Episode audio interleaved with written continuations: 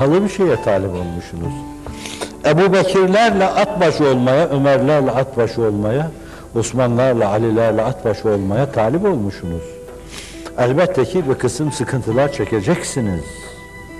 Mısır'da bir nazır olmak için Yusuf kuyuya girmesi gerekiyordu. Bir köle gibi satılması gerekiyordu. Zindanın katlanıp devam etmesi gerekiyordu.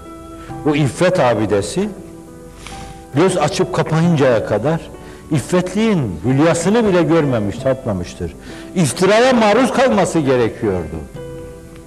Ancak bu kadar preslendikten sonra Mısır'da bir yere getirilecekti. Kardeşlerini babasını da çağıracaktı.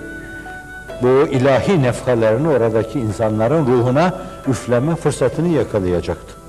Şimdi siz dünyanın dört bir yanında ruhunuzun ilhamlarını solukluyor, gönüllere giriyorsunuz.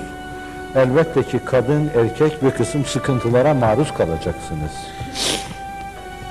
O ipekleri örmek için geleceğin dantelalarını örebileceğiniz ipekleri örmek için o kozanın içinde sıkışıp kalmanız gerekiyor. Bi kaderil keddi tüktesebül meali. Meşakkat miktarı maliyata müştak gönülleriniz arzu ettiği yüksekliği elde edebilir. Ne kadar sıkıntınız varsa. Bir meselenin bu yanı vardır. Bir de Allah'ın rahmeti ve inayeti sıkıntıların son kerteye geldiği, bir yönüyle gücünüzün, takatınızın bittiği yerde tecelli eder.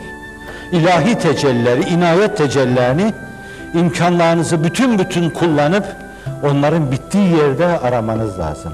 İşteddi ezmetü tenferici. Karar kararabildiğin kadar zira kararmanın son noktası şafağa açılmanın, şafağa dönüşmenin başlangıcıdır.